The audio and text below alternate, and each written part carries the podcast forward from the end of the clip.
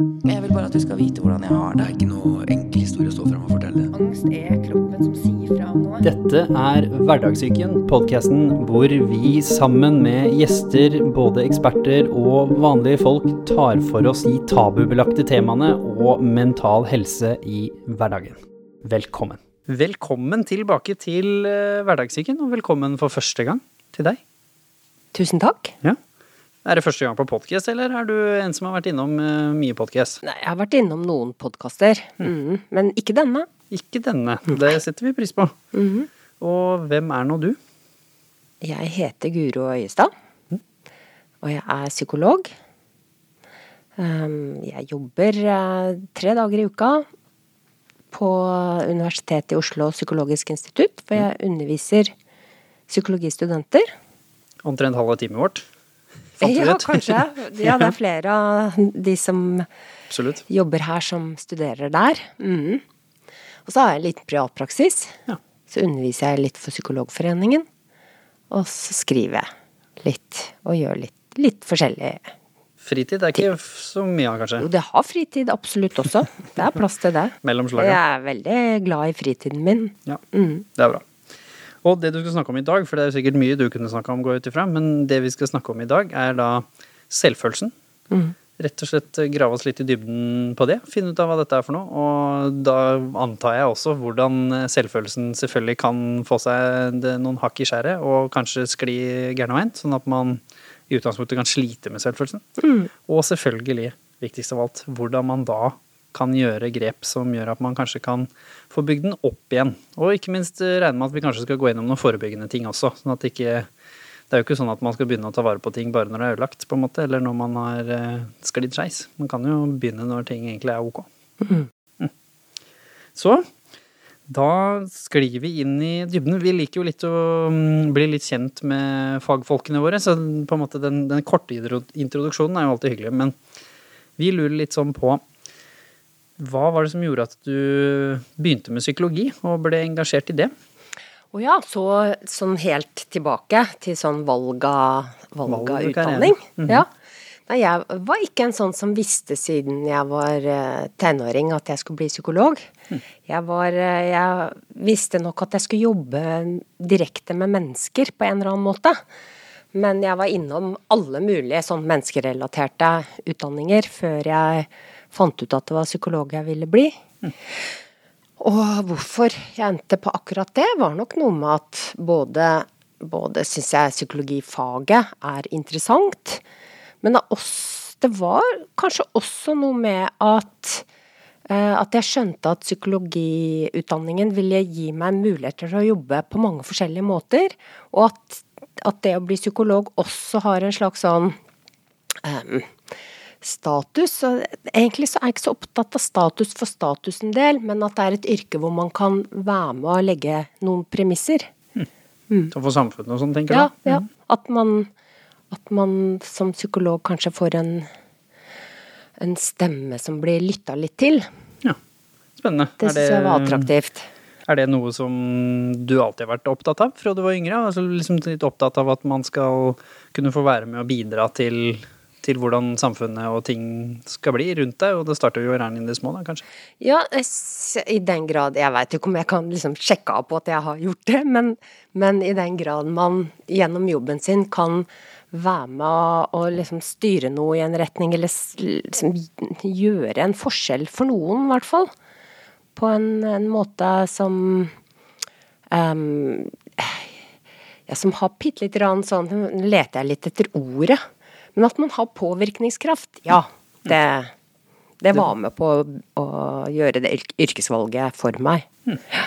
Og så når du først kommer inn i det, og da på en måte ting eh, Du utforsker verden av psykologi, hva var det som gjorde til slutt at eh, selvfølelse ble noe som du tenkte dette er eh, viktig? Det oppsto nok litt sånn gjennom studiet, kanskje særlig på slutten, fordi jeg, jeg, jeg syns det virker som, og virka som da, at, at eh, selvfølelse det er noe Det er en sånn kjerne i psykisk helse, og alle er litt opptatt av det. Og, og i tillegg, alle strever litt med det. Sånn at eh, det er et, et slags sånn grunnfenomen i psyken vår som jeg dermed tenkte at det er jo interessant, da.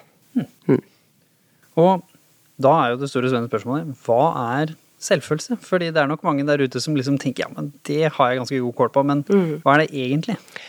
Ja, og nå, det, altså, det er fint at vi har litt god tid, for det, det tror jeg vi må bruke litt tid på å snakke om. For jeg kan ikke bare si jo, selvfølelse er, og så en setning, sånn og sånn. Fordi jeg har også blitt egentlig mer og mer opptatt av at jeg syns at selvfølelsesbegrepet blir litt uryddig, og litt, kanskje litt uhensiktsmessig definert. Hvordan da? Nei, at øhm, At det defineres litt Kanskje litt overfladisk. Og med bare ett aspekt. Eh, og de siste årene så har jeg også stilt litt spørsmålstegn ved det som veldig mange, inkludert veldig mange psykologer, er opptatt av, at det er så viktig å skille mellom selvfølelse og selvtillit. Jeg syns at det er kanskje en litt sånn forenkling av hva begge deler er. Så jeg har, jeg har prøvd å, å gå litt mer grundig inn i forskjellige teoretikere og, og også forskning rundt hva selvfølelse er og kan være, og prøvd å bidra til å rydde litt. Og jeg skal ikke si på, liksom påta meg æren for at jeg har nå rydda, for det, det, det kan jeg ikke. Men, eh, men jeg kan godt si litt om hva jeg da har kommet fram til, vel vitende om at noen vil kanskje tenke annerledes og være uenig med meg. Men jeg er litt opptatt av at hvis vi først skal definere selvfølelse, så må det, så må det være en hensiktsmessig forståelse av det som, eh, som, som er ordentlig nyttig for oss. Ja. Og Kjør da, ja, så jeg har blitt um, Jeg har blitt opptatt av ehm, selvfølelse mer som et prosessbegrep. Eh, altså vi, hvilke vaner, hvilke automatikker, hvilke prosesser som naturlig oppstår i oss. Eh, at selvfølelse handler vel så mye om det som hva vi tenker om oss selv. Fordi det blir jo ofte definert som at vi, vi tenker godt om oss selv, og at vi tenker at vi er like verdifulle som andre, og det er jo viktig. Men jeg tror egentlig at et selvfølelsesbegrep som, som stikker mye dypere enn det, er mer hensiktsmessig. Fordi det, det handler ikke det, det blir forenklende å si at det handler om hvordan vi tenker om oss selv. Ja, Selv om det også jo- handler om det. Mm. Ja, for da handler det jo mer om de tingene som det kanskje snakkes mye om, da, innenfor kanskje litt mer sånn selvrealiseringsverden og sånn med at det er positiv selvsnakk, at man skal meditere og tenke varme ting om seg selv, selvkjærlighet og de tingene som, som jeg føler kanskje du sikter litt til, og som kanskje blir litt for enkelt. At hvis du sliter med selvfølelsen, så er det bare å rydde opp i disse, og så løser det seg, på en måte. Ja, det, det, det, det og, og bare for å starte med å korrigere meg sjøl, altså det kan også være veldig nyttig å prøve å endre tankene sine om Ja. seg selv. Og så prøve å utfordre sin egen måte, ikke minst å snakke med seg selv løpende om seg selv. Det, det, det hører absolutt med, men, men jeg tror Jeg syns det gir veldig mye mer mening å tenke på selvfølelse som eh, som må, måter å være i verden på. At, altså at vi Om jeg litt sånn automatisk eh, tar for gitt at jeg har en plass blant andre mennesker, at jeg regner med å bli lytta til, at jeg har tillit til at folk kan ha tillit, um, at det ligger mye mer i det vi i psykologien ofte kaller for den prosedurale hukommelsen. Altså livsvanene, prosedyrene som er innbygd i måten min å være på, som jeg jo har tilegna meg gjennom summen av alle erfaringene jeg har gjort gjennom oppveksten. Jeg, jeg, kan du ikke fortelle litt eh, om dybden av det? For det, det syns jeg alltid er veldig spennende, fordi i dagens verden hvor vi snakker så mye om datamaskiner og begynner å sammenligne hjernen med datamaskinen, så, så syns jeg at vi undervurderer hodet litt noen ganger. For det er sånn som du sier, det er jo summen av alle erfaringer vi noen gang har gjort oss, som per i dag er selvfølelsen min i dag. Og i morgen så har den lagt på et lag, på en måte. yes. Ikke sant? Så den er jo også kontinuerlig i en slags sånn Utvikling. eh, utvikling, eh, re, knaing. Mm, på godt og vondt. Mm, men da Hvor mye For liksom, det, er liksom, det er jo en sånn eh, floskel at når man går til psykolog, så begynner man med barndommen, på en måte. Så, så hvor mye er det som dannes der? Hvis vi skal liksom si at disse av erfaringene, hvor viktig er det da på en måte at man har startet godt? For jeg føler det er mye snakk om det òg. Som når man sier at selvfølelse kan kanskje ha blitt skakkjørt såpass hardt fra starten, da, med Ja. noen traumer som gjør at det kanskje kan bli en mer utfordrende jobb enn de som kanskje har vært litt mer heldige. heldige i starten. Ja, jeg tror du peker på noe viktig.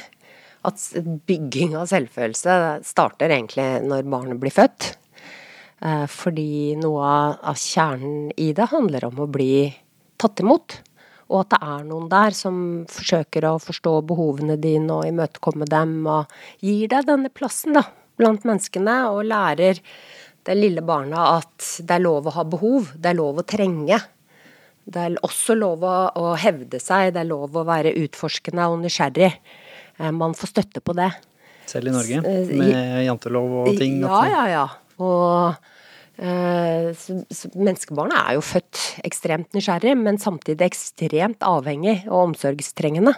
Sånn at, at barnet erfarer i alle de tusenvis av små øyeblikkene gjennom sine første leveår at det er lov å ha både disse her avhengighetsbehovene. Man får trøst, og man, får, man blir holdt, og, og man får hjelp og, og alt mulig sånn, men at man også får eh, både bli støtta og, og, og vennlig oppmuntra til å også bevege seg ut i verden. Og mestre ting og få til ting og ha interesser som man kan følge og sånn. Er det sikkert mange bekymra foreldre som sitter og tenker sånn Nei, gjør jeg én feil, har jeg ødelagt alt da? Eller nei, hvordan funker dette her? Hvor mye Nei er det som må være bra?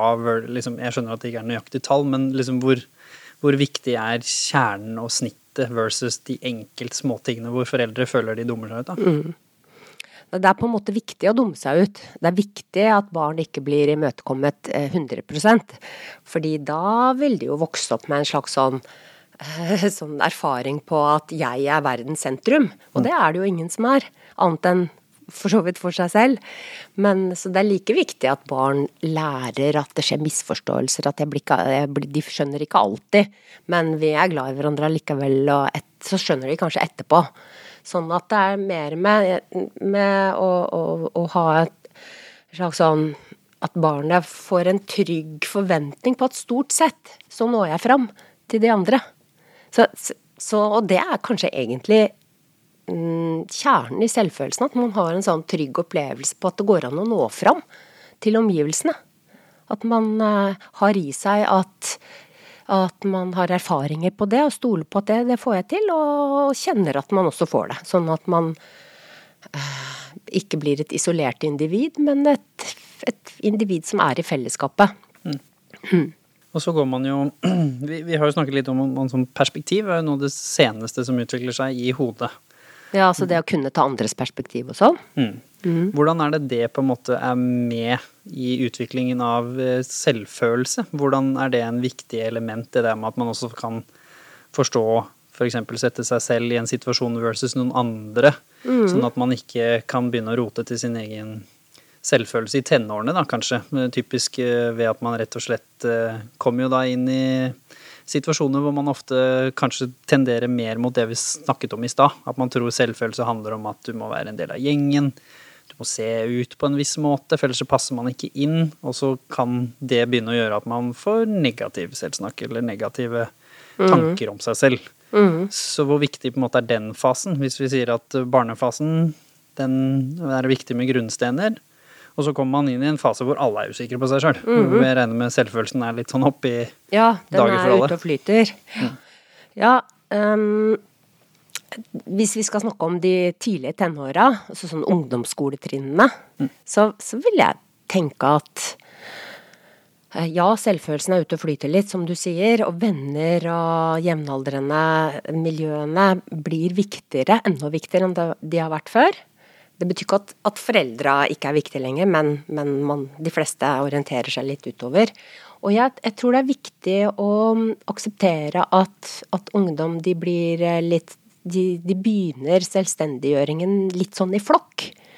At det er viktig for ungdom, unge ungdom, da, å kjenne virkelig og markere at de hører til en gruppe, at de, de gjør ting sammen. De er på en måte litt gærne sammen, de er engstelige sammen, de, de, de, ligner hverandre. Det er akkurat som det er lettere å begynne den der voksenfrigjøringen hvis man gjør det litt gruppevis. Og så kommer det kommer kanskje individets litt sånn Men hvem skal jeg som individ være oppi dette her, da? Litt seinere. Mer sånn videregående skolealder, sånn røfflig, da. Sånn at det er eh, Jeg tenker at det er, det er, en naturlig del av individueringen. Eller eh, eh, selvfølelsesutviklingen, eller identitetsutviklingen. Her er det mange ord som overlapper hverandre litt. Men at det er helt fint at det begynner med litt sånn gruppe, gru, gruppetenkning. Det er, for det er trygt. Og hva er det som er viktig der? Neste fasen, vi snakka jo litt om i starten av podkasten, si, før podkasten, om, om, det å barn som flytter ut.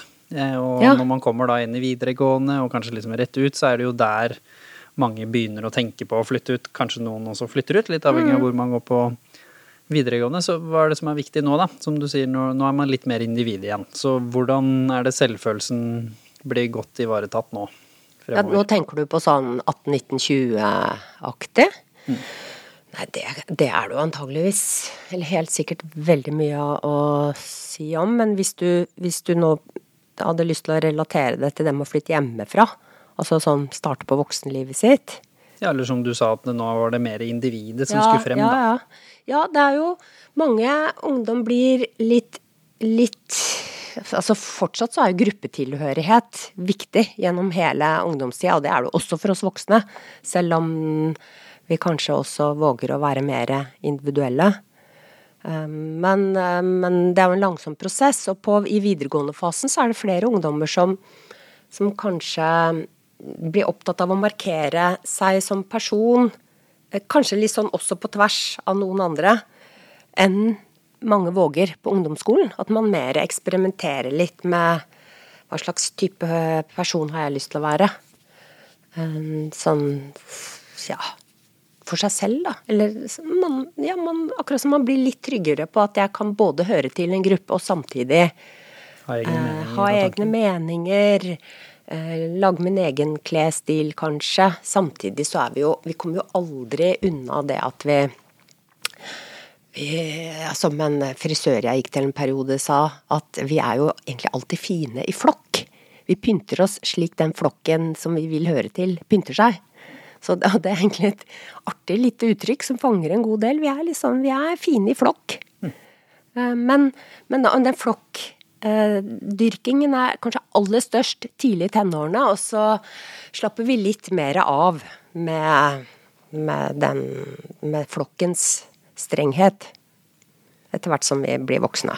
Hvordan er det dette nå da utvikler seg inn i fullvoksenlivet, da? Mm. Til sånn 30, mot 30 på en måte, på begge sider av 30, hvor man da gjerne har eh, sakte, men sikkert valgt karrieresti, man har kanskje fått seg jobb, noen har stiftet familie, man har gjerne tatt noen grunnvalg for det individet man ønsker å være. Mm. Ja, og alle de trinnene du nevnte der nå, de, de, de utfordrer jo selvfølelsen. Eh, som bare det å skulle bestemme seg for utdannelse, om man vil ta noe utdannelse utover det som er obligatorisk, og hva slags utdannelse det i så fall skal være. Fordi, og da er vi jo egentlig litt tilbake til der vi begynte med at eh, selvfølelse, i hvert fall sånn som jeg mer og mer tenker om det, eh, basert på både teori og forskning, så, så handler det om å, å, måtte, å, å, få til å koble seg opp med det som interesserer en.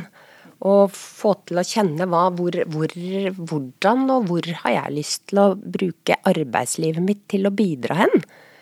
Og så um, våge å gå i retning av det, hvis det er mulig. Mm, og når jeg sier hvis det er mulig, så kan det jo være altså en, en, en ung voksen kan ha kjempelyst til å bli lege eller jurist, men ikke ha gode nok karakterer til å komme inn i første omgang. Men kanskje andre interesser som er lettere å forfølge. Så Kan er det jo liksom noe med penger, det kan jo være, som du sier, eh, litt gruppepress, litt familiepress. Det kan det jo også være. ofte mange ting som Ja, ja, ja. Eller at man kjenner at man har eh, i en, Jeg bor i en Eller vokst opp i en legefamilie, men selv har interesser som går i en helt annen retning. Jeg har, jeg har vokst opp i en legefamilie, men jeg har lyst til å bli gartner. Og våge å følge det egne engasjementet. Det er selvfølelsesfordrende. For det er, litt, det er jo kjempespennende aspekt, fordi både blant unge, men også blant eh, voksne. Jeg har jo jobbet mye med dette selv, med mennesker da som på en måte føler litt at de ikke tok det valget de skulle, og veldig mange unge som sitter sånn Hva er mitt purpose? på en måte, er veldig opptatt av at de skal finne ut av det gjerne omtrent når de er fem, på en måte, for å tulle litt med det. Men det er blitt viktigere og viktigere i dagens eh, samfunn. Så hva, hva er forskjellen på de forskjellige stiene her nå? Hvis, hvis vi skal ta for oss da en person som fordi de, hva nå enn årsaken er da, om de ble litt presset eller om situasjonen gjorde det vanskelig, og så begynner de nå på en, en sti som ikke er den de vil. Og dette vet de et eller annet sted inni hodet sitt. Ja, de sitt. kjenner det. Det skurrer liksom i brystkassa. Hva skjer da med selvfølelsen de neste ti årene nå, eller 20 årene, hvis man da ikke klarer å vri tilbake igjen? Nei, altså mm, Ja, hva skjer med selvfølelsen? På en måte så kan man jo Så kan vi jo si at den personen da har eh, kapsla inn sin egen selvfølelse litt grann i det valget. Eh, og at det skurret da vil være der som kanskje en liten uro eh, som, som forfølger. Men det kan jo også skje at den utdannelsen som først kjentes feil, at den blir riktig. At man finner ut at nei, men selv om jeg trodde det var inni meg, trodde at det var gærent, så viste det seg at det blei riktig. Eller jeg finner ut av det og ender opp med å være fornøyd. Det kan jo skje. Men det kan jo også skje at man har den derre skurret med seg og, og kjenner at man får ikke brukt eh, sider av seg sjøl som er viktig for en, og det stemmer kanskje ikke helt med de verdiene man har. Det var ikke sånn jeg hadde lyst til å være med på å skape dette samfunnet. Eh, eller man, man kjenner at det er eh, At man egentlig hadde hatt mye mer lyst til noe helt annet, eller noe mer. Og at det blir en slags sånn eh, utilfredshet. Og nå tenker jeg ikke på sånn Altså at man eh, liksom sutrer i hverdagen, men at det blir en mer sånn eksistensiell utilfredshet, da. Som kan være viktig å stikke fingeren i egen jord. Eller lytte i egen brystkasse. Og, og, og gjøre det valget om igjen. Mm. Jeg måtte gjøre det litt selv i starten av Ja, min egen er psykologkarriere. For jeg forvilla meg inn på et felt som jeg visste jeg egentlig ikke var interessert i. Og holdt på med det et par år. Og kjente at det var feil. Ja. Og så hoppa jeg over til noe jeg var mer interessert i, og kjente at jeg følte meg så mye gladere. Og, og, og liksom friere i livet. Jeg følte at jeg ble mye flinkere også. Vi skal snakke litt mer om hvordan man snur de tingene litt etterpå Mm. også, men hva kan på en måte ytterste konsekvens være av det der, da? Fordi det er veldig mange som jeg tror kanskje tenker på, som vi sa, selvfølelse litt for enkelt, kanskje. Og Mm. som kanskje ikke har koblet helt at, at man sliter med selvfølelsen i 40-50-30-åra, kan Mm. henge sammen med at man kanskje er på en sti som ikke var den som er forenlig med det du har inni hjertet ditt, da. Mm. Så du som har jobbet i feltet lenge, hva, kan på en måte være litt symptomer, da, hvis jeg skal kalle det det, til noen som virkelig da har gjort dette valget? Det har vært feil, de mener ikke det er riktig, et eller annet sted inn i magen så er de ikke fornøyd. Så hver dag de går på jobb, så føler de seg mindre forfylt, og de føler at de er ikke flink, på en måte. De, de kunne ha vært flinkere et annet sted. Ja, Hva skjer da? Ja, ja, nei. Det er jo på en måte selvfølelsen som snakker, da. Som, som eh, Så de har jo ikke mista selvfølelsen, men for det skurret eller den manglende tilfredsheten er på sett og vis ens eget selv som, som sier ifra, og som aldri slutter å si fra. Rett og slett. Og det er jo egentlig litt fantastisk. Så det kan man jo verdsette. At jeg har denne selvstemmen, eller selvopplevelsen inni meg, som aldri gir seg.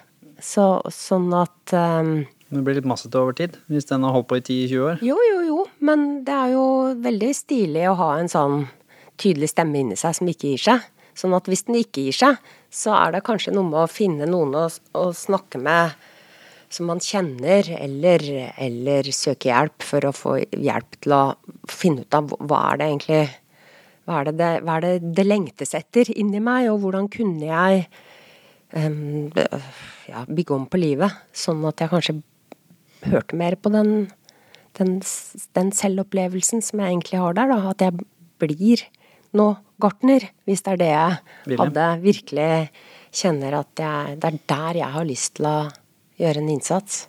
Men jeg altså, tenker også ofte mm, Mye problemer kan jo ligge litt i at de vet jo ikke at den stemmen De har liksom drukna den stemmen litt, på en måte. Mm. Sånn at man kan kanskje da ha tatt dette utover litt andre ting, da. Kanskje man har fått litt dårligere energi, fått litt dårligere mm. humør, kanskje.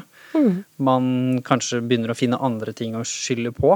Altså at man sier nei, sjefen min er eh, mm. troll, på en måte, eller kollegaene mine hører ikke på meg, eller mm. ting som, som, kanskje da ikke hadde skjedd hvis du jobba som gartner, da, eller eh, som mm. kokk, eller hva noe annet, eller at du er kokk og egentlig ville være lege, på en måte, for å si det andre veien òg.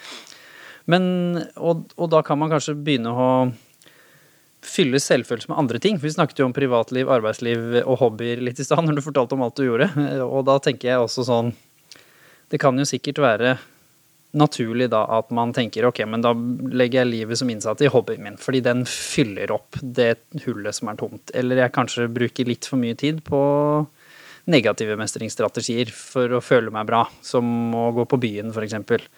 Eller kanskje i andre tilfeller bruke substanser eller rusmidler som gjør at jeg i hvert fall i det føler meg som en helt. Eh, på en måte hvordan Når disse tingene skjer, man gjør det, hva skjer med selvfølelsen da? Hvordan får den litt sånn uttrykk når man liksom undertrykker den stemmen som egentlig er der, og når man begynner da kanskje å gjøre andre ting som er med på å egentlig bekrefte at uh, du er egentlig ikke så bra, du.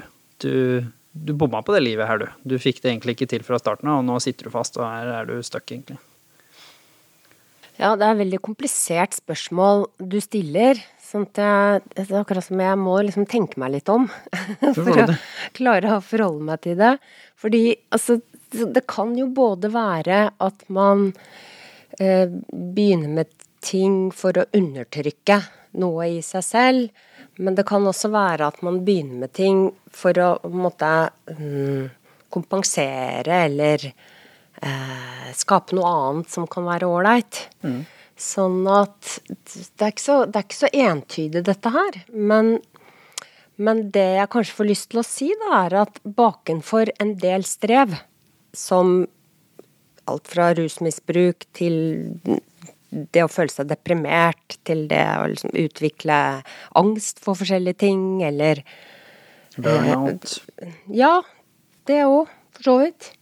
Så, så kan det Det kan i, eh, for en del mennesker ligge en, en, en selvfølelsesproblematikk bakenfor det. Jeg, jeg, jeg syns det er en del ting som peker i retning av at at selvfølelse er en sånn variabel på tvers av psykiske lidelser. Som, det betyr ikke at alt handler om selvfølelsesstrev, men at det, det ofte bunner i det at man eh, enten ikke har fått nok støtte, eh, sånn som man har trengt det. Eh, eller at man har gjort noen valg, eller fått kommet inn i noen vanskelige livsbetingelser som gjør at man eh, at man på en måte ikke, ikke, ikke får levd i, i sånn noenlunde i pakt med de grunnleggende menneskelige behovene. Og da er det fort gjort å utvikle symptomer som kan sette seg fast. Jeg hadde litt sånn dukka opp et lite øyeblikk inn i hodet mitt når du sa det, fordi vi jobber jo sammen med Oslo fengsel. Så mm. vi har jo vært inne i Oslo fengsel og, og gjort forskjellige ting, da, og prøvd mm. å teste ut forskjellige ting. og så var vi der med stifinneren, og det er jo de som har hatt ekstra rusproblematikk, da, som er der, og gjerne folk som har vært der mange ganger og lenge. Mm. Og så hadde vi vist et intervju som, som, fortalte en historie om da en person som hadde klart å snu dette da i ganske voksen alder, og som hadde vært ganske hardt i det. Og så var det en av de som på en måte bar veldig preg, da, som hadde litt mer den stereotype rusmisbruker på en måte som har stått i det veldig lenge, så ganske sliten ut, hadde på en måte bar preg av det i ansiktet og har nok eh, levd et ganske hardt liv. Mm. Og så står han aleine i trappa eh, på vei ned, og alle andre går forbi, på en måte. Så stopper jeg litt opp, bare, for jeg er jo alltid nysgjerrig på liksom hvordan var Vi skal jo prøve å lære opplegget og prøve å gjøre det bedre, så det er jo nyttig å snakke med folk på, på enmannshånd. Det er jo ikke så ofte du får, får mulighet til det i et fengsel. Så stoppet opp og spurte Han så jo litt uh, betenkt ut. Så spurte jeg liksom litt hva syns du om dette her, da? Og så, når han var ferdig å snakke om det, så, så kom han liksom inn på Jeg spurte han hva, hva fikk det deg til å føle og tenke på, på en måte. Og da sa han, så begynte han å bli litt blank i øynene, og så, så sa han at eh, for han så følte han virkelig at han hadde ikke bidratt med noe, på en måte. Han følte genuint at han ikke hadde fått det til, da. At han ikke var et bra menneske. At han ikke hadde bidratt med noe i, i samfunnet, i verden og for noen. generelt for noen, og at han følte den voldsomme skammen overfor det. da, At, eh, at livet hans var mislykka. Men så på en måte grunnen til at han ble veldig rørt og begynte å gråte litt mer, var når han sa at det han drømmer om nå, da, for nå Stifinneren er jo i utgangspunktet et Ja, på vei inn i finne en sti, liksom. ja. det er jo på vei inn i rusbehandling. Mm. Det var ikke det at han ikke hadde prøvd det før, men, men nå virket han ekstra motivert. Og så sa han at akkurat nå, da, hvor han følte han hadde rota til alle relasjoner i livet, og på en måte egentlig alt det som kanskje gir eh, trygghet og god selvfølelse, som vi snakket om litt tidligere her. Så det eneste han så for seg nå som, som positivt, og noe han ønsket å gjøre, det var å kunne snakke med ungdom og fortelle de om hva som kan skje. Hvis du på en måte ikke tar tak i det han mente var en dårlig Altså at han ikke mente han var bra nok helt fra, fra tidlig alder. Da. Eh, Og så ble han veldig emosjonell. Han sa at hvis jeg faktisk bare kan få snakke med noen ungdom og hjelpe noen av de, Ja. så får livet mitt mening igjen, på en Ja, måte. ja. Så det var akkurat som om hele hans knuste selvfølelse kunne heales bare ved følelsen av at jeg kan i hvert fall gi det en mening. At det knuste livet jeg har, kan hjelpe noen andre, så, så er det nesten så det er Da er jeg litt bedre Da ser jeg bedre på meg selv, da. Ja, det er jo en, en vakker beskrivelse av kanskje noe av det som er kjernen i selvfølelse. At vi får At vi har en opplevelse av å kunne koble oss opp mot noen andre, eller noe annet som på en eller annen måte får mening eh, utover oss selv. Og det behøver ikke å være så innmari omfattende, men at vi er med på å skape noe som har verdi, noe som har mening for, én eller fler. Og det får meg også tenke på en av grunnene til at jeg alltid har reagert litt på og syns at det er litt sånn konstruerte skille mellom selvfølelse og selvtillit. Hvor mange sier da at selvtillit det er å ha tillit til at du, at du kan noe, får til noe. Men selvfølelse er å, å føle eller tenke at du er verdifull uansett. Men jeg tror jo også akkurat det du skildrer der, den derre trangen til å være i en meningsfylt sammenheng på en eller annen måte. Henger sammen og får Det til noe. er jo det er rett og slett et, et, et menneskelig behov. Sånn at vi kan ikke skille det ut. Vi, vi, kan ikke, vi kan ikke tenke at vi kan bare ligge på sofaen og, og få god selvfølelse. Um, fordi uh, god selvfølelse handler om å finne sine måter å, å, å, å klare å gripe sine muligheter til å delta i livet sammen med andre folk eller dyr eller natur eller eh, noe ting som, som gir mening. Ja. Derfor, altså, vi mennesker har vel det er vel gjort ganske mye forskning på hva som skjer hvis du blir 100% isolert fra start. Da blir det ikke mye menneske og mye personlighet ut av det. Fordi Mm. Nei. du speiles jo ikke i Nei, det er sant. det hele tatt. Er antageligvis et spedbarn som blir helt isolert fra kontakt, vil sannsynligvis dø, eller i hvert fall ikke utvikle seg mentalt. Så mm, hvis vi skal liksom snu det litt om det laget som, som er det som vi snakker om litt nå, da. Så man kommer inn der, man, man skal prøve å Man har kanskje identifisert at selvfølelsen kanskje ikke er helt på topp. Den får noen av de uttrykkene vi hadde i stad. Man, man er voksen, ung voksen. I hvert fall på et stadie hvor du ikke er i denne naturlige usikker-fasen, på en måte.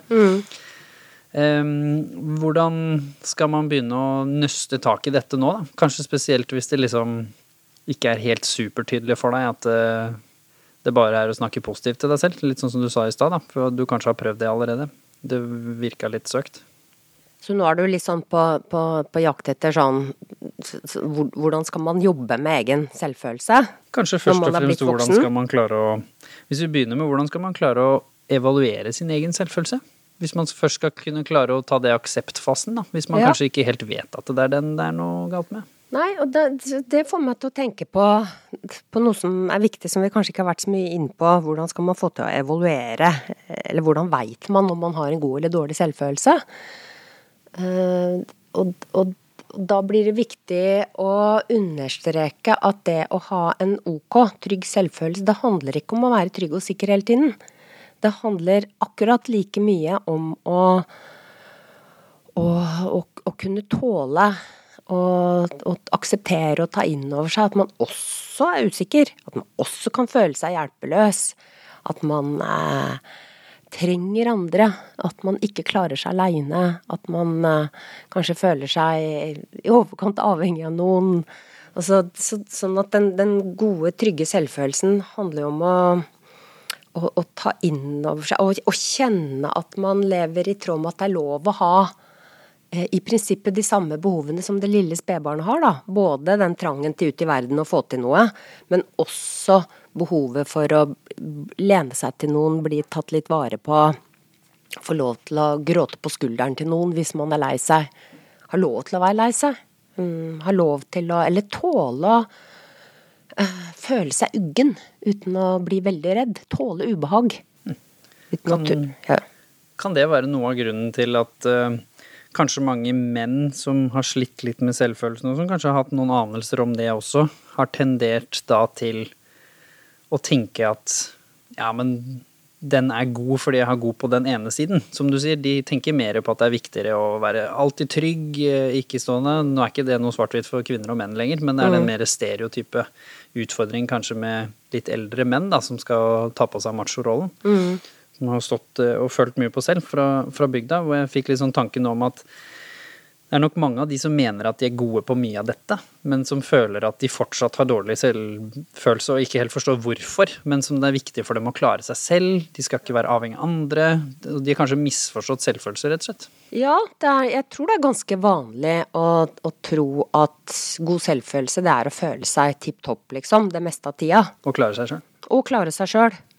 Mens en, eh, en robust selvfølelse, en, en selvfølelse som gjør som, som på en måte bidrar til et liv i balanse, da. Hvis vi tenker at vi er mennesker med noen grunnleggende behov, så er egentlig selvfølelse kanskje det som Hvis jeg låner en formulering fra en amerikansk psykoanalytiker som heter Bromberg, han sier at eh, litt, litt eh, oversatt av meg, at god selvfølelse er å, å tåle å være mange, og samtidig føle seg som én.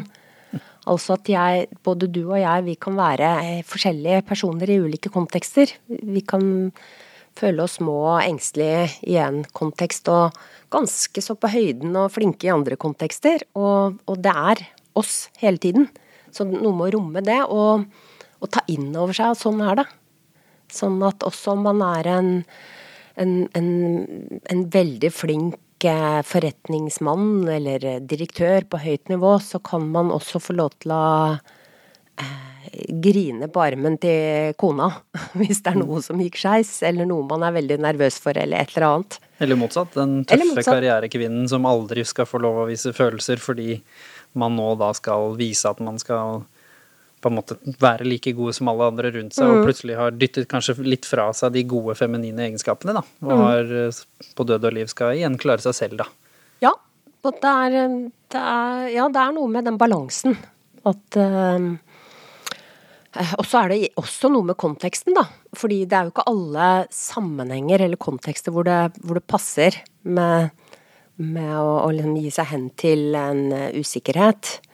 Men eh, sånn det er altså, God selvfølelse er jo ikke å, å på en måte oute alt man har av følelser hele tiden. Det handler jo også om å være litt var på hva slags setting er jeg i og hva passer og passer ikke nå. Så man kan være mestrende når man blir intervjua på TV, og så kan man heller synke litt sammen i sofaen hjemme etterpå. Men, men det er noe med å, å, å gi seg selv lov til begge deler, da. Er det noe litt sånn sannhet eh, i det der fake it till you make it-tanken? Fordi jeg har jo snakket mye med, med folk eh, om det nå i det siste. Kom faktisk opp i forbindelse med litt sånn eh, trening og lære nye ting. At man gjerne i startfasen så er det jo ikke sånn at man får masse overskudd av å trene, f.eks. Det er jo det stikk motsatte ofte, hvor det Mm. Ja. føles veldig tungt og Ja. Det er ikke noe gøy. Det er ikke noe gøy, Nei. det er tungt og vanskelig, og du blir gjerne altfor stiv, og ting blir vanskelig. Samme hvis du skulle lære noe nytt. Du Mm. blir veldig usikker, du kjenner deg kanskje ikke helt selv igjen. Ting begynner å bli luggent, og så kommer du selvfølgelig til en form for fase hvor dette stabiliserer seg, og så er man kanskje litt mer tilbake til den du kjenner igjen, i form av trygghet, da, Mm. etterpå. Er det da litt det samme, på en måte? At Ja, jeg tror du har et poeng der. At skal man utfordre og jobbe med sin egen selvfølelse, så vel så viktig som å, å tenke positivt, eller tenke om seg selv at man er eller skal ditt og datt, så er det kanskje øh, øh, Hvordan begynte jeg setningen? Altså, vel så viktig er det å, å, å hive seg litt ut i ting. Som man kanskje egentlig er redd for. At jeg, har, at, at jeg har i meg at jeg er engstelig for å gå bort til folk på fest, f.eks. Uh, selv om jeg egentlig har lyst. Så hadde jeg hatt veldig god selvfølelse, så hadde jeg sett meg rundt og sett hvem jeg er interessert i å gå bort til, og så hadde jeg gått bort til dem. Men veldig mange har sånn litt sånn selvhemmende eh, prosedyrer i seg, og veldig sånn 'Å nei, men de er sikkert opptatt, og de er sikkert kulere', og bla, bla, bla. og tenker sikkert dette om meg, og da kommer jo den negative selvsnakken inn. Ikke sant? Og man blir veldig, veldig selvbevisst. I det hele tatt så er litt sånn overdreven selvbevissthet er veldig forstyrrende for selvfølelsen. Jeg tror Og nå er jeg inne i en liten loop, men jeg skal tilbake. Men jeg tror at veldig mye selvfølelsesstrev eh, dreier seg om å sitte fast i selvbevissthet. At man hele tiden driver og monitorerer seg selv og ser på seg selv nærmest via et, via et kamera. Og, he, og da blir man veldig selvkritisk. Istedenfor å å, å finne et ståsted inni sine egne reaksjoner og interesser og verdier og, osv. For la oss si jeg har det ståstedet, da, eller ønsker å få mer tak i det, så kan jeg fake it till I make it. Kanskje det kan i hvert fall være lurt å prøve. At jeg, at jeg, selv om jeg egentlig ikke tør, så går jeg bort til de folka. Og så gikk det kanskje og, bra. Og så gikk det kanskje bra. Så går det an å si sånne teite ting som at eh, Kan jeg stå litt her sammen med dere, eller? Altså det går an å Du bør ikke ha en lur replikk, liksom. Så, Det henger er vel jo sammen med det du sa i stad, med disse erfaringene. Ja. Fordi jeg får jo ikke bygd noen erfaringer som hjelper selvfølelsen min til å Nei. tenke ja, det får du til, Nei. hvis ikke jeg faktisk Gjør. får den erfaringen. Ja, det er sant. Så sånn sett så kan vi tenke og tenke og tenke, og tanker er viktig, og hva vi sier til oss selv er viktig, men jo, å jobbe med selvfølelsen handler like mye om å strekke, strekke gjørekapasiteten sin, eller det var kronglete sagt, men du skjønner hva jeg mener, altså gjøre Lage ting. disse erfaringene, rett og slett. Ja, mm, lage seg erfaringer, men også lage seg erfaringer på kanskje tørre å snakke med noen om hvor engstelig og usikker man er. Mm. Det kan jo også være selvfølelsesbyggende. Hvordan funker det, hvis man da ikke gjør, men som du sier, deler, deler ja. angst og stress, men Og også kanskje får forslag? Jo, man gjør jo på en måte selvfølelse da også, ved å kjenne at du har i deg en, en angst, engstelse, usikkerhet, som du kanskje har brukt masse energi på å prøve å skjule bak en eller annen fasade, eller ved å gjemme deg bort. Så det å dele det med noen, om det er en venn eller en familiemedlem eller en terapeut du går til, det, det vil jo være å gjøre selvfølelse. Altså ved å måtte ta på alvor en sånn engstelse eller tilkortkommenhet eller følelse av hjelpeløshet som du har i deg selv. Så, og da har du allerede begynt.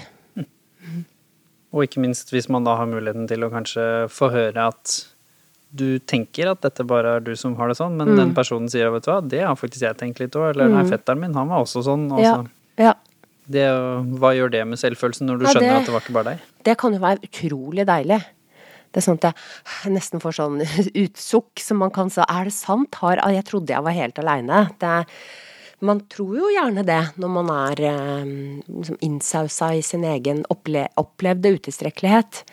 Og det kan være veldig, veldig nyttig å vite at jeg mener faktisk at jeg har midt på det tørre hvis jeg sier at alle mennesker, i hvert fall i vår vestlige kultur, på en eller annen måte, eller i noen settinger i hvert fall, strever med, med sin egen fornemmelse av å ha en selvfølgelig plass blant de andre. At man kan streve med litt for mye selvbevissthet eller selvkritikk etterpå. 'Å nei, sa jeg det, og jeg skulle i stedet', og Så det er veldig vanlig.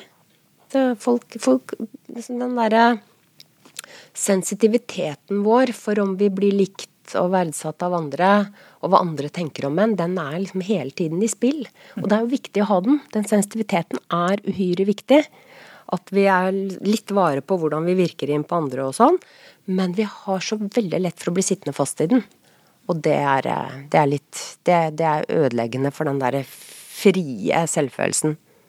Hvordan, hvordan, gjør vi noe med det, da? Og uten å igjen da bare bli meg, meg, meg igjen. Fordi mm. som du sa, den er jo litt viktig at jeg også forstår at hvis jeg blir for mye meg, mm. så kan det hende jeg tråkker på tærne til alle andre og mm. sårer masse folk rundt meg, og så går jeg hjem og ikke skjønner at jeg har gjort ja. det fordi jeg er så lite selvbevisst. Men hvordan liksom klarer man å finne den at den ikke bygger deg ned, men samtidig gjør deg litt var på at innimellom så kan det hende at du må være litt bevisst på ting du sier, fordi ja. det kan såre andre. Ja.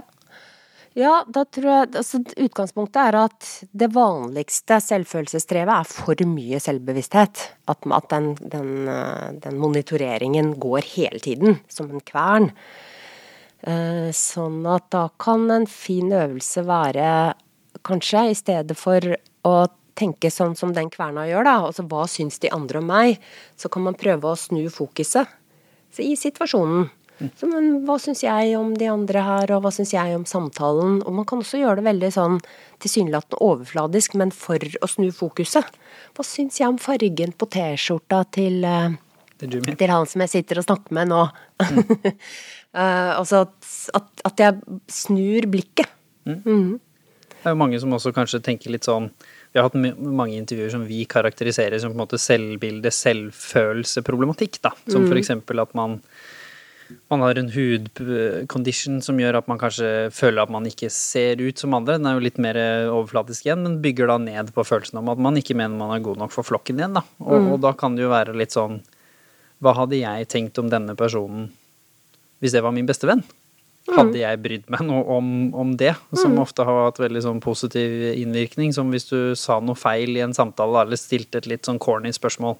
Så tenker sånn, Hvis bestemennen min her i en samtale på 50 minutter stilte ett corny-spørsmål av ti. Hadde jeg egentlig huska det i morgen? Mm. Svaret er jo nei for ja, de fleste. Og det er viktig å minne seg på det, og det er kjempeviktig. Og så er det mange som prøver å gjøre det, men allikevel eh, ikke klarer å slippe det. Så, men det er noe med å trene også på det der, da. Altså, jeg tror at for mange så er det med å trimme trimme selvfølelsen til å være litt mer, eh, mer utadvendt. At man glemmer seg selv litt. Altså, egentlig så er jo god selvfølelse å kunne glemme seg selv litt og bare delta. Bare være. Bare være og mene og være engasjert og være redd noen ganger og tøff andre ganger og så videre og så videre. Kanskje til og med si unnskyld en tredje gang hvis og det gikk for langt. Absolutt. Ja. Um, um, og ikke da være redd for at alt forsvinner. For jeg husker at jeg en veldig lang periode det var litt i forhold, det var litt i vennskap, det var litt i prestasjoner. Det var litt sånn at hvis, hvis noe gikk gærent, gjorde man én feil, den typiske perfeksjonisttanken, så rasa hele korthuset. Så mm. jeg hadde jo en utrygg selvfølelse på at ja, men hvis du gjør en feil, så er du fortsatt bra nok, eller fortsatt en del av flokken, eller forholdet er bra nok, eller mm. Så da krasja det jo sånn ordentlig når jeg gikk med den tanken om at jeg hele tiden Da blir man veldig selvbevisst. Når mm. du hele tiden må være 100 mm. Som er jo forferdelig unyttig, det over tid. Det er forferdelig, forferdelig slitsomt, og fallhøyden blir hele tiden stor. Mm. Fordi det er jo klin umulig å gå rundt og være helt supert på høyden i enhver setting.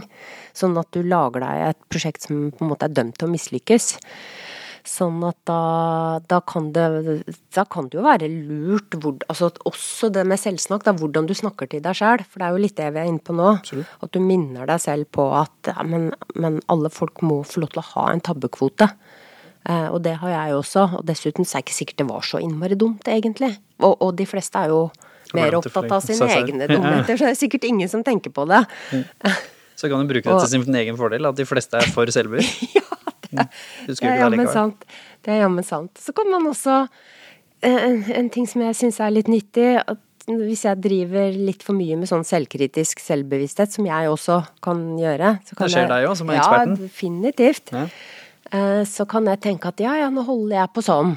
Som veldig mange mennesker gjør. Så nå, nå tar jeg del i det der menneskelige fellesskapet med at vi driver og plager oss selv med sånn selvbevissthet, og sånn kjennes det ut. Det er slitsomt, så nå, nå gjør jeg det igjen, og jeg merker igjen hvor slitsomt det er, og det hjelper meg til å skjønne hvor slitsomt det er for andre. Sånn at eh, man kan også tenke på det som en sånn ja, nå, at jeg deler noen erfaringer med veldig mange andre. Mm. Det, er, det, er, noe lindrende i det òg.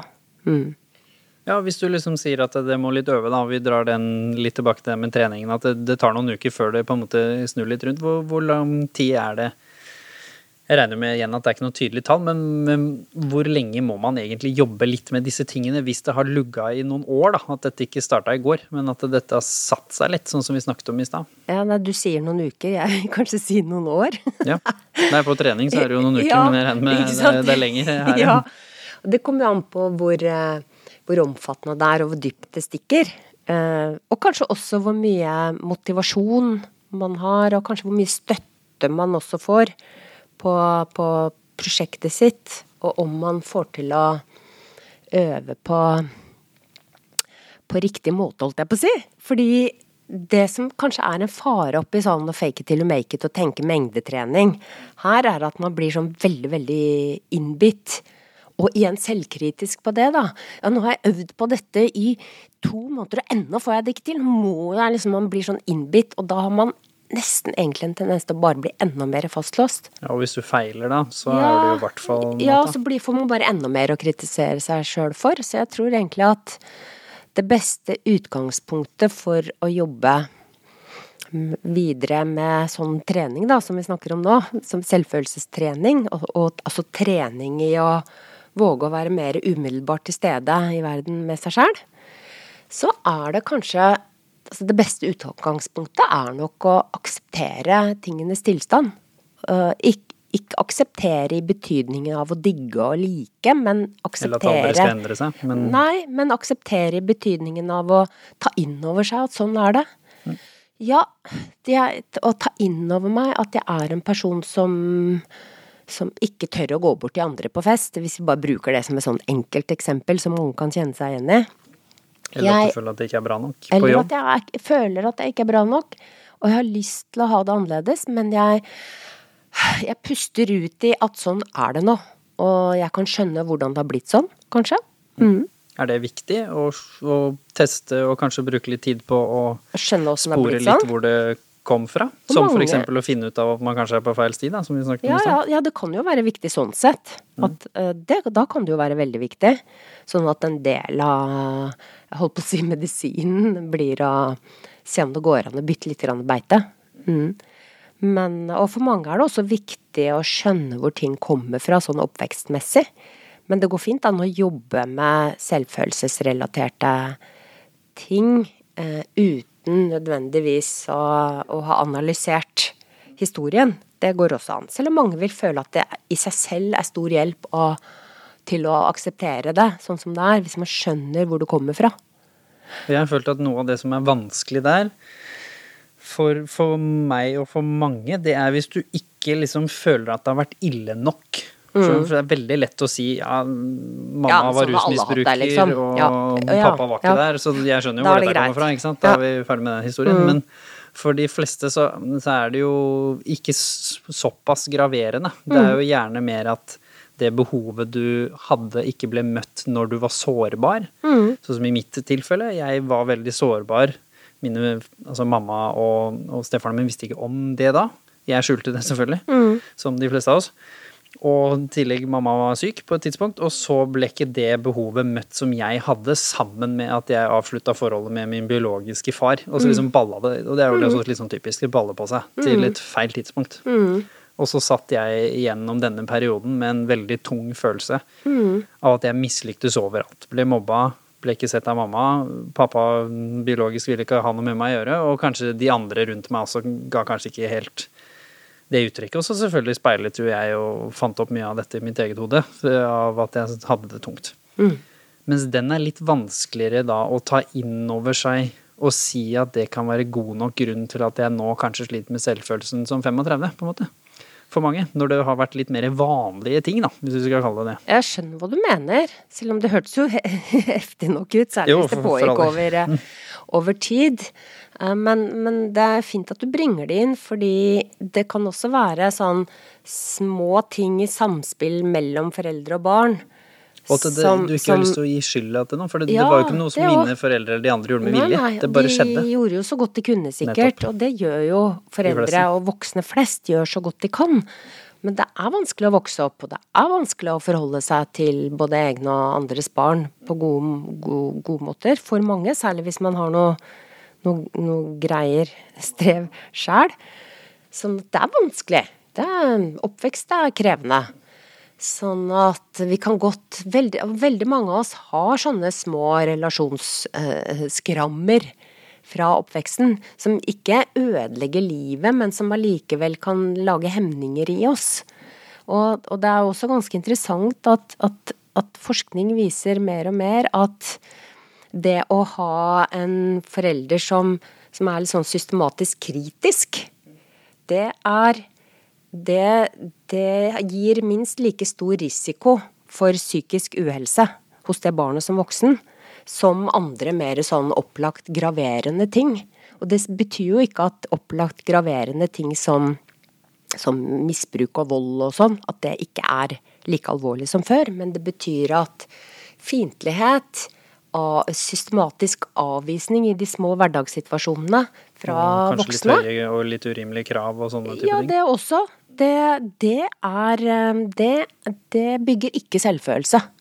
Og mm, det kan, eh, det kan lage sånne Hjelp, det er ikke plass til meg her i verden, jeg er feil eh, mm, automatikker. Og high achiever-energi. Litt sånn at jeg må, sånn som med meg, da, jeg må være perfekt Ja, for å være bra nok. Yes, ja, at du må liksom på en måte bevise din verdi gjennom å være veldig høyt presterende. Ja, og det vil nok mange kjenne seg igjen i. og Det er veldig slitsomt. Det, og da, som vi snakka om i stad, blir fallhøyden stor. Ja. Så da er det noe med å trene på å være et helt vanlig menneske som får til noe, men ikke alt. Mm. Og så, som du sier da, hvis man jobber litt med historien, så skal man komme til en aksept. Mm. Hvordan skal man liksom klare da å, å akseptere denne nye personen, og så tusle litt videre da, og finne noen, noen planer for hva jeg skal gjøre med saken? Mm. Om det er å gå til en fagperson, eller om det er å bytte beite, eller hva nå enn som kommer etter dette. Fordi den akseptfasen, den er jo litt tung hvis du er voksen. Den er litt lettere hvis du på en måte skal ny aksept når du er 17, på en måte. Perspektivet er ikke så ille, men når du er 35 og plutselig tenker Eller så 27, da, som jeg var, jobbet i shipping, kapitalist, den biten av verden, og drev med toppidrett. Ble veldig skada, måtte slutte med idrett, og så skulle slutte i shipping samtidig. Så jeg fikk jo sånn voldsomt brudd. Ja, det høres veldig omfattende ut. Men da satt jo jeg litt sånn Hvem er jeg nå? Ja. Og hvordan skal jeg klare å akseptere at jeg nå, i mine egne øyne, da, i hvert fall var en, en annen person som ikke hadde like høy eh, verdi i mine egne øyne. Det er selvfølgelig ikke det jeg mener nå, men det var sånn For det jeg skjønner at du, har, du, du, du er, det er litt tilbakelagt. Mm. Heldigvis. Men eh, der og da var det tungt å akseptere det. Mm. Og jeg regner med Jeg har jo venner og, og kjente nå som, som også har vært igjennom lignende tøffe skader. Hvor, eller ulykker eller brudd. Eh, altså et forholdsbrudd kan jo være like graverende. Du var eh, tobarnsmamma med Mm. lykkelig, lykkelig mann, og nå er du eh, i kamp om hvem som skal beholde barna, på en måte. Eller Ja. noe sånt alvorlig for identiteten din. da. Ja.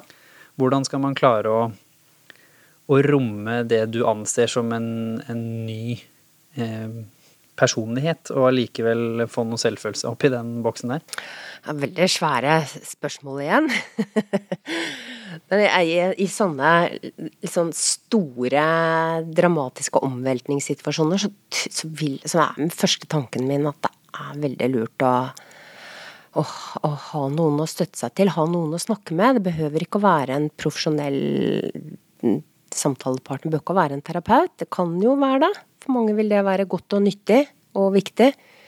Men det kan jo også være en, eh, en familiemedlem eller en, en venn. At du Det er vanskelig å, å, å finne ut av Vanskelig kanskje å få tak i den derre pust ut-aksepten. Og liksom få områdd seg, med mindre man har noen å si ting høyt til. Hvorfor Det- er det egentlig sånn med oss mennesker? Nei, det, jeg tror det er vel sånn Vi er så relasjonelt skrudd sammen. Vi er så gruppedyr eller flokkdyr eller hva vi vil kalle det, at vi ofte ikke helt veit hva vi føler og mener før vi sier det høyt. Så det er forferdelig uhensiktsmessig å tro at du skal klare livet alene, egentlig. Ja, det er veldig uhensiktsmessig. Det er um... Det er et dømt feilingsprosjekt, på en måte. Ja, selv om noen gjør jo det òg, da. Det fins jo sånne munker som sitter i sånn eremitt-tilværelse. Så det er jo ustyrtelig mange måter å leve livet på. Men for det store, store flertallet av oss, så er det nok ikke noe god idé å tenke at man skal klare alt selv. Fordi da står man ustødig på ett bein. Så, så første det, det viktigste er kanskje å, å se seg rundt. Hvem kan, hvem kan jeg snakke fortrolig med nå? Ikke fordi den personen nå skal bære livet mitt og, og ta valg for meg, men sånn at jeg kan snakke høyt, at jeg kan spare med noen. Um, Tenk Ja. mye på, på det i det siste. Hva, hva er forskjellen å si det når man står litt emosjonelt oppi det, og når man kanskje har litt ro? Fordi det er sånn typisk at når vi egentlig er ærlige med hverandre, kanskje spesielt i forhold, eller med nære venner, eller sånne ting, det er gjerne når det liksom trykkokeren er bare sånn nå, Mm. smalt det, og så renner det ut. Og så er man veldig ærlig. Eller typisk trist, men sant når noen eller kanskje over, er litt beruset. eller overærlig. noe. Eller det kanskje ikke er det ærlig engang, men Det er det jeg mener. Mm. på en måte. Hva er liksom litt Hvorfor skal man kanskje tenke at eh, det å gå og snakke med noen burde gjøres på en vanlig tirsdag, på en måte, hvis jeg skal kalle det det, og hvor man da tør heller å, å dele et perspektiv som ikke nå er farget veldig av at du sto i en situasjon, eller at det rant over. Ja, at det, var, at det var en konflikt, en krangel, eller at du hadde drukket eh, to glass for mye. Mm. Det er jo liksom hva er forskjellen litt på de to. Fordi er, jeg føler at vi mennesker, der er vi gode til å være ærlige på om det. Typisk når vi krangler eller drikker litt for mye, eller hvor det har rent over.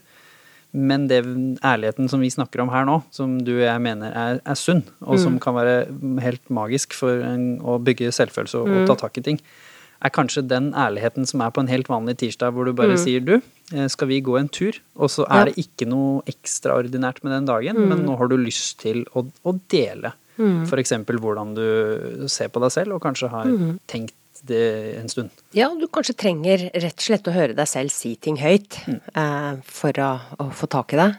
Ja, nei, det er vel Det er vel kanskje noe med at når ting sies sånn i kampens hete, eller i eh, en to glass for mye eh, så har vi en tendens til kanskje å måte, eh, bli overaktiverte og gå altfor langt.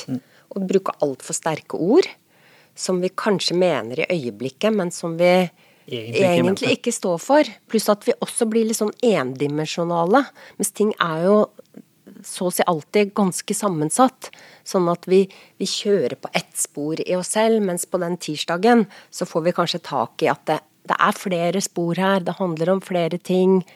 Eh, sånn at det blir mer eh, innafor det du kan stå for, og også mulig for samtalepartneren din å, å lytte til og forholde seg til, og mer nyttig. I Ja. hvert fall hvis målet er en løsning, og ikke bare å blåse det ut, og så fortsetter vi som i Ja, går. ja, for sånne utblåsninger kan jo noen ganger ende opp med å gjøre skade. Altså selv om du ikke mente å kalle meg en eh, helvetes bitch, så er det noe Sagt er sagt, sagt. da. Ja. Det er det som er problemet. Og du kan jo finne på å si verre ting, altså komme med beskyldninger. Mm. Som du egentlig mens, selv mens du sier det, veit ikke er sant. Men sagt er sagt. Så du finner noen eh, å snakke med. Hva hvis vi liksom da skal skli litt inn i sporet med profesjonell på slutten her, da? Mm. Hvordan er det du og dere tar litt tak i disse utfordringene? Hvis jeg kommer til dere og, og har en, en selvfølelse som, som har tatt eh, skade, og det er ikke en sånn femminuttersskade, det er litt sånn livs, mm. livsskade. Hvordan er det dere jobber med det, hvis du skal på en måte dele litt den korte versjonen av hva man kan gjøre, da, og hvorfor kanskje noen som hører på nå kan vurdere å, å teste og, og ta kontakt med en terapeut? det? Um, eh, ja, da tror jeg at um, At jeg har lyst til å, å hente litt opp igjen det med at, at selvfølelse, det, det dreier seg litt om hvordan man, man føler seg trygg på sin væren eller plass i verden. Og at hvis du kommer til meg med eh, hvor bestillingen er selvfølelsesstrev, så vil jeg tenke at jeg må Først så må jeg sammen med deg bli kjent med hva, hvor, hvor er det det ligger hen for deg. Fordi å streve med selvfølelsen kan handle om veldig forskjellige ting. Sånn at det er ikke én oppskrift. Altså ok, problemet er selvfølelse, da gjør vi sånn. Så det er mer å bli å, og, og prøve å forstå så godt som mulig hva er, det, hva, hva er det dette strevet handler om i ditt liv? Hva er det som har hemma deg? Hva er det som har Hva slags kompenserende strategier er det du har utvikla? Hva er det du føler at du ikke har lov til, men som egentlig du burde ha lov til, fordi det representerer et menneskelig behov, som behovet for å, for å kunne støtte seg til noen. Så det så blir det garnet der. Det blir liksom at du kommer liksom, med en kjerne, og så er det litt uh, korrigeringsstrategier, kanskje litt undergraving. Så ja, liksom først må du finne ut av hva det handler om, og så hva du trenger. Så, det, det, så sånn terapeutisk, metodisk tenkning, så kan det godt hende at du trenger å jobbe med måten du snakker med deg sjøl, men det kan også hende at du trenger å forstå noen sammenhenger i livet. Det kan hende at det er noe du trenger å øve på å gjøre. Det kan hende at det er noe vi kan trene på i terapirommet. Kan hende du uh, hjelper meg å komme frem til at jeg må gjøre noen store og medium og små valg i livet som kan, kan skape endring. Ja. Mm. Sånn at det å jobbe med selvfølelse det, i terapi, det kan være så mye forskjellig. Det kommer an på hva selvfølelsesstrevet er. Og hva er det ofte man ser, da? Som, som, endrer seg. Hvis man liksom skal avslutte litt med det, hvorfor skal man jobbe med selvfølelsen? på en måte? Hvis du skal telle, fortelle de der ute hva de kan oppnå da, ved å ta den jobben. fordi litt sånn som vi snakker om det nå, så er dette Det er ikke, en, det er ikke et helgekurs. Hvis Nei. man skal ta tak i selvfølelsen sin. Så litt hvorfor, hvorfor skal man gjøre det? Hva kan man få ut av det? For noen så kan det jo være litt sånn lett arbeid også. Det, det kan det Akkurat som selvfølelsesarbeid kan handle om forskjellige ting, så kan det jo også være på forskjellige nivåer. For Litt som vedlikehold, som vi sa i stad? Ja, for noen så kan jo bare det å få høre og få vite at en tanke er jo bare en tanke som kan være helt feil. Om du tenker at hun ikke liker deg, så kan det hende at det er helt feil. Så det kan jo hende at det var bare noe du trodde. Så at for noen er det ekstremt frigjørende å få den lille informasjonen. Og så takker de for den, og så går de ut i verden og er mye mer fleksible fordi de veit at en tanke er bare en tanke som ikke nødvendigvis representerer sannheten. Men så kan det jo stikke mye dypere. Um, ja, nå mista jeg spørsmålet ditt litt. Jo, og ja, hvis det stikker dypere, hva kan ja. endringen være der? Hvorfor skal man gidde å liksom ta denne store jobben da, når det stikker dypere? Ja, Nei, altså, ja, hvorfor skal man gjøre det? Fordi det Jeg tror det kan egentlig bidra til betydelig større livskvalitet, og at man kan kanskje få tak i en slags større ro og ro på at man, eh, man, har alle de sidene man har, inkludert de man misliker. Men at ved å kunne snakke høyt om det og få hjelp til å se at sånn er det, og det er forståelig at det blei sånn, og, og, kanskje kan du trene litt på å overskride det noe, men kanskje vil du alltid ha det med deg også, men det er helt greit. Det er ikke så farlig. Altså at man kan få en sånn mer sånn easygoing holdning, kanskje, eller væremåte. At man ikke faller så langt ned i skammens eh, avgrunn hvis man gjør noe dumt. Eh, at man kanskje ja, får, eh, får nærma seg folk på en annen måte. Kanskje får en større liksom sånn genuinitet i de relasjonene man har. At man føler seg mer liksom, tatt hensyn til av andre. At man selv får tak i gleden av å ta mer hensyn til andre. Liksom, gi litt blaffen i seg sjøl. Glemme seg sjøl litt. Altså, altså, trening på å hengi seg til ting som man veit engasjerer. Jeg tror veldig egentlig på den derre tesen med at, at god selvfølelse det er å faktisk kunne glemme seg selv og hengi seg til selve livet. Være litt mer til stede? Være mer til stede. Ikke, ikke nødvendigvis sånn medit... Sånn, sånn mindful, sånn, men, men, være der hvor man er, da. Mm. Sånn at man eh, kan eh, være opptatt av det som foregår i samtalen, i sted å legge litt til side den der selvmonitorerende, selvkritiske mm, kverna. Og det, det, gir, ja, det gir mer glede og overskudd, kanskje. Og der kan det jo kanskje være ekstra fint da, å jobbe litt sånn som du sier med å finne de engasjerende stedene, for da er jo det gjerne litt lettere. Man glemmer jo gjerne litt mer selvkritisk stemme hvis du er med mennesker som du har noe til felles med. Hvis du jobber med noe som engasjerer deg. Ja. Eller hvis du har en hobby hvor dere enes om at eh, nei, Ja. nå spiller vi fotball, eller vi lager musikk sammen, eller vi går og Ja, ja. plukker sopp i skogen. Altså, for da er det jo lettere å ikke gå rundt og være så selvkritisk, og, Ja. og være mer trygg, tenker jeg. Hvis du finner liksom ting å holde på med hvor du får litt flyt, det er selvfølelsesbyggende. Det, det er herlig. Så det anbefaler vi uansett om selvfølelsen er god eller dårlig. Ja, ja, ja. Nydelig. Det var eh, veldig hyggelig å ha deg på besøk. Jeg føler jeg har lært masse igjen. Gjør du det? Ja, så, så fint. Det var veldig hyggelig å snakke med deg òg. Veldig eh, interessant å høre Det var ikke bare lette spørsmål. perspektivene og erfaringene dine. Nei, det var ikke bare lette. Men, mm, men takk. Du, takk selv. Det, jeg syns det er kjempemoro. Bare få lov å snakke om flitt. Bare få lov å her sitte og være nysgjerrig. Jeg er veldig lite selvkritisk akkurat nå. Det er så bra. Det, er- det er hyggelig å høre. Mm. Så det satser vi på at dere der ute er òg. At dere har fått tatt til dere noe nå. Både småtriks som dere kan teste selv, men også kanskje en liten, liten oppfordring til å titte litt i eget liv og kjenne litt etter. Og hvis du føler at eh, her kanskje er det noe som du har lyst til å ta en titt på, om du vil gjøre noe med, så er det mulig både å snakke med en du stoler på, og eller ta kontakt med fagfolk. Så er det håp. Mm. Tusen hjertelig takk, og ha en så fin dag som dere vil da, folkens.